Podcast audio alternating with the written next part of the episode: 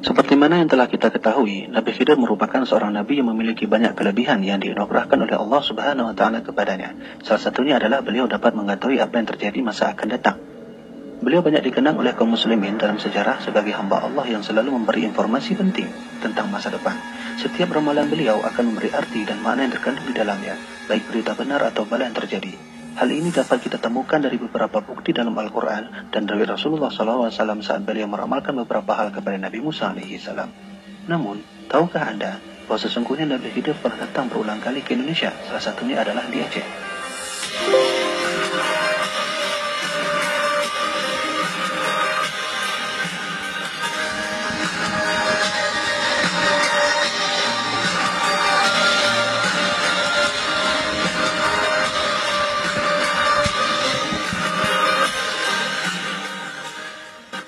Kedatangan dan ramalan Nabi Khidir ini didapat dari salah satu manuskrip lama Aceh yang terdapat dari sebuah kitab bernama Badiyatul Badiyah.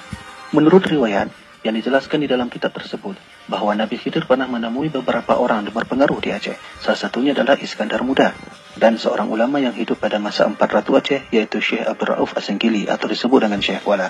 Masing-masing di antara keduanya selisih berbeda masa. Raja Iskandar Muda hidup pada tahun 1607 Masehi, sedangkan Syekh Wala hidup pada tahun 1615 Masehi. Raja Iskandar Muda merupakan raja terkenal. Para ahli sejarawan menyebutkan bahwa kala di masa Iskandar Muda memimpin, Aceh berada pada urutan keempat sebagai kerajaan terkuat di dunia. Hal ini dapat dilihat dari riwayat yang berasal dari penjelajah muslim dunia, yaitu Imam Ibn Battuta dalam kitabnya Ar-Rihlah. Sedangkan Syekh Abdul Rauf Fasengkili atau Syekh Kuala dikenal sebagai ulama terkemuka yang pernah hidup setelah masa Iskandar Muda, yaitu masa empat ratu kerajaan Aceh.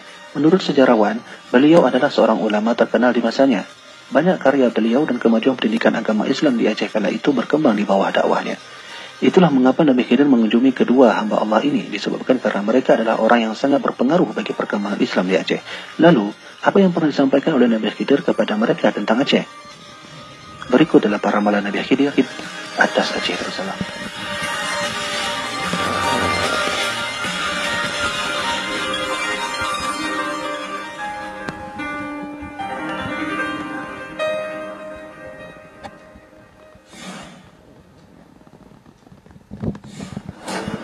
Pertama, Aceh akan tiba bencana. Nabi Khidir pernah mengatakan bahwa lebih kurang dalam tahun 1260 Hijriah, Nanggro Aceh akan ditimpa bala bencana. Sejak Nabi Khidir memberitahu berita ramalannya kepada Iskandar Muda pada tahun 1607 dan Syekh Kuala pada tahun 1615 Masehi, Nabi Khidir memberitahu bahwa Aceh di tahun 1260 Hijriah atau pada tahun 1844 Masehi, Aceh akan ditimpa bala bencana. Selisih 200 tahun setelah berita ini diberikan, Nabi Khidir meramalkan bahwa negeri emas ini akan datang bala bencana. Bencana di sini dimaksudkan bahwa Aceh mengalami kemiskinan, politik melemah, dan ekonomi yang rusak. Hal ini dikarenakan Aceh saat itu dikuasai oleh utusan-utusan atau para sultan yang telah haus akan berda Aceh. Selain itu, pada tahun 1844 Masehi hingga 1874 Masehi, di mana Belanda menyerang Aceh pertama kali, para raja yang menjabat kerajaan bukan lagi dari Aceh, akan tetapi dari bangsa luar, seperti Raja Habib Abdul Rahman yang berasal dari Arab dan Raja Tipang yang berasal dari India. Dalam sejarah menyebutkan bahwa kedua raja ini saling berseteru hingga di antara keduanya saling mengancam untuk turun dari tahta kerajaan. Karena inilah, Belanda yang pada awalnya merupakan salah satu negara yang bekerjasama dengan Aceh akan sumber daya alamnya, namun melihat kesempatan luang ini, Belanda yang telah haus akan sumber daya alam Aceh mulai menyusun kekuatannya untuk menguasai negeri Serambi Mekah tersebut.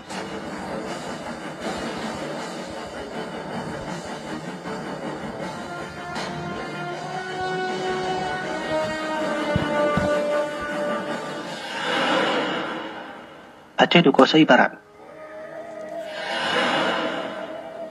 Bahwa dalam tahun 1320 Hijriah, Aceh akan dikalahkan oleh kerajaan Ba yang datang ia dari Barat. Jika ditelusuri, makna kata Ba di sini adalah huruf Arab yaitu Ba. Jika ditulis ke dalam bahasa Arab Jawi, maka negara dari Barat yang dimaksudkan oleh Nabi Khidir yang berhuruf Ba tadi adalah Belanda. Secara historis, ramalan ini terbukti benar bahwa pada tahun 1320 Hijriah, jika dihitungkan ke dalam tahun Masehi, maka tahun tersebut jatuh pada tahun 1902 Masehi, di mana tahun ini perjuangan Aceh dapat dikalahkan oleh Belanda.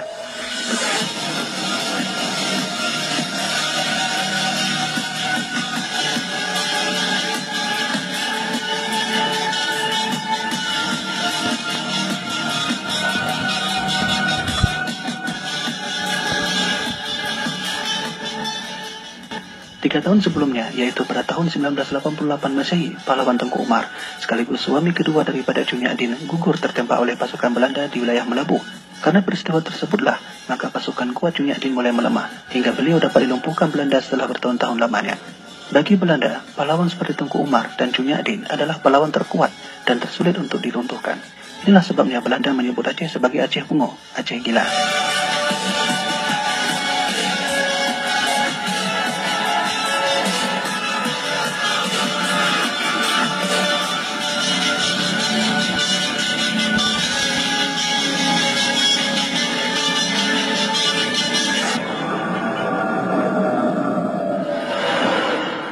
Belanda menyingkir di Aceh.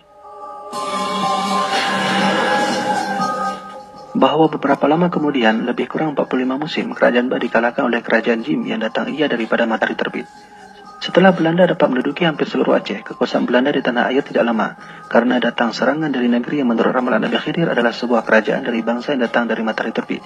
Seperti mana di atas, Nabi Khidir menyebut negeri ini dengan nama negeri yang diawali dengan huruf Jim, jika ditulis dalam bahasa Arab Jawi, maka kata jim di sini adalah ja, fa, dan ain titik tiga di atas, atau disebut dengan Jepang.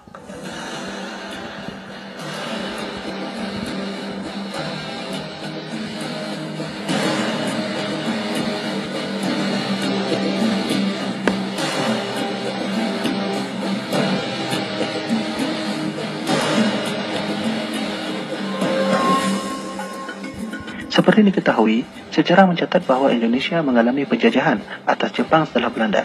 Maka Aceh juga demikian. Setelah hampir dua abad dibuat kacau oleh Portugis dan Belanda, maka Jepang masuk ke Aceh dengan misi bantuan.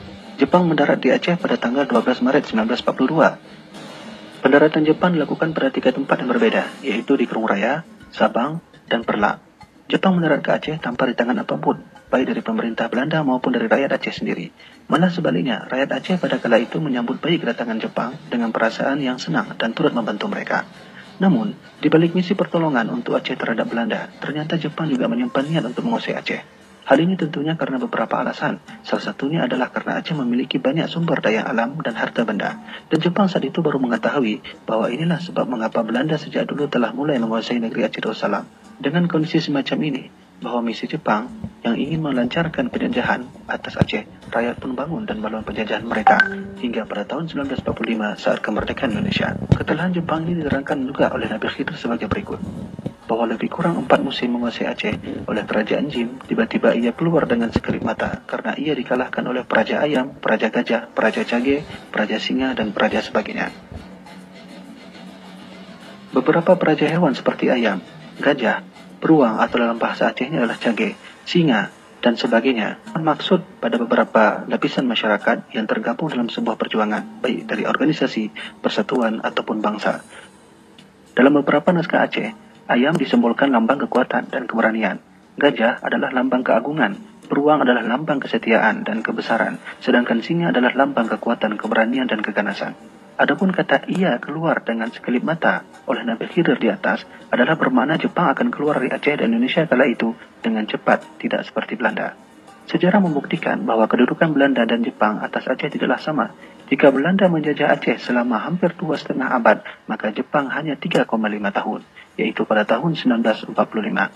Namun, maksud yang tepat dari makna ia keluar dengan sekelip mata oleh Nabi Khidir di atas adalah terjadinya peristiwa kelam dan menyakitkan atas Jepang, yaitu hancurnya dua kota besar, Nagasaki dan Hiroshima oleh Amerika dan Retira Raya. Atas peristiwa inilah Jepang mengangkat kaki dari Aceh dan Indonesia dengan cepat.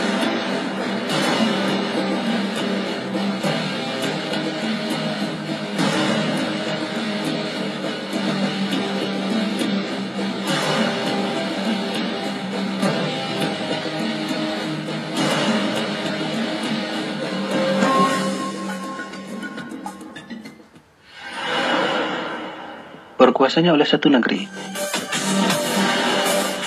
Setelah kerajaan Jim keluar, maka Nanggro Aceh dan negeri di bawah angin lainnya atau usaha isi negeri itu akan berdiri satu kerajaan yang menaklukkan Nanggro Aceh dan negeri di bawah angin lainnya. Bernama kerajaan itu berawal dengan huruf alif. Khidir memberitahu kepada Syekh Kuala dan sekadar muda bahwa setelah Jepang mengangkat kaki dari Aceh, maka ada satu negeri yang berkuasa setelahnya. Di dalam ramalan beliau di atas terdapat indikasi kata unik, yaitu segala kerajaan di bawah angin bersatu pada satu kerajaan, yaitu kerajaan yang diawali huruf alif. Negeri yang diawali huruf alif dalam huruf hijaiyah adalah alif.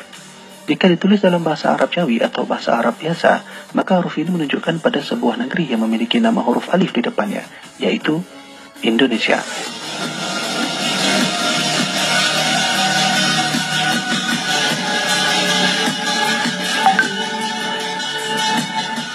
Inilah yang dimaksud oleh Nabi Khidir dalam ramalannya, bahwa setelah Jepang mengangkat kaki dari Aceh dan setiap negeri di bawah angin, yaitu beberapa wilayah seperti Pulau Sumatera, Jawa, Maluku, dan setelahnya, maka kerajaan-kerajaan ini bersatu di bawah kerajaan atau bangsa yang satu.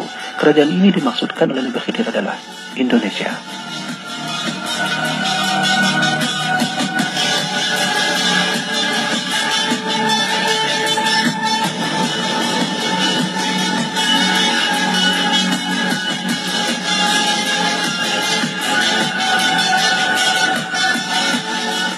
Lalu apa yang diramalkan oleh Nabi Khidir mengenai Indonesia? Simak video kami selanjutnya.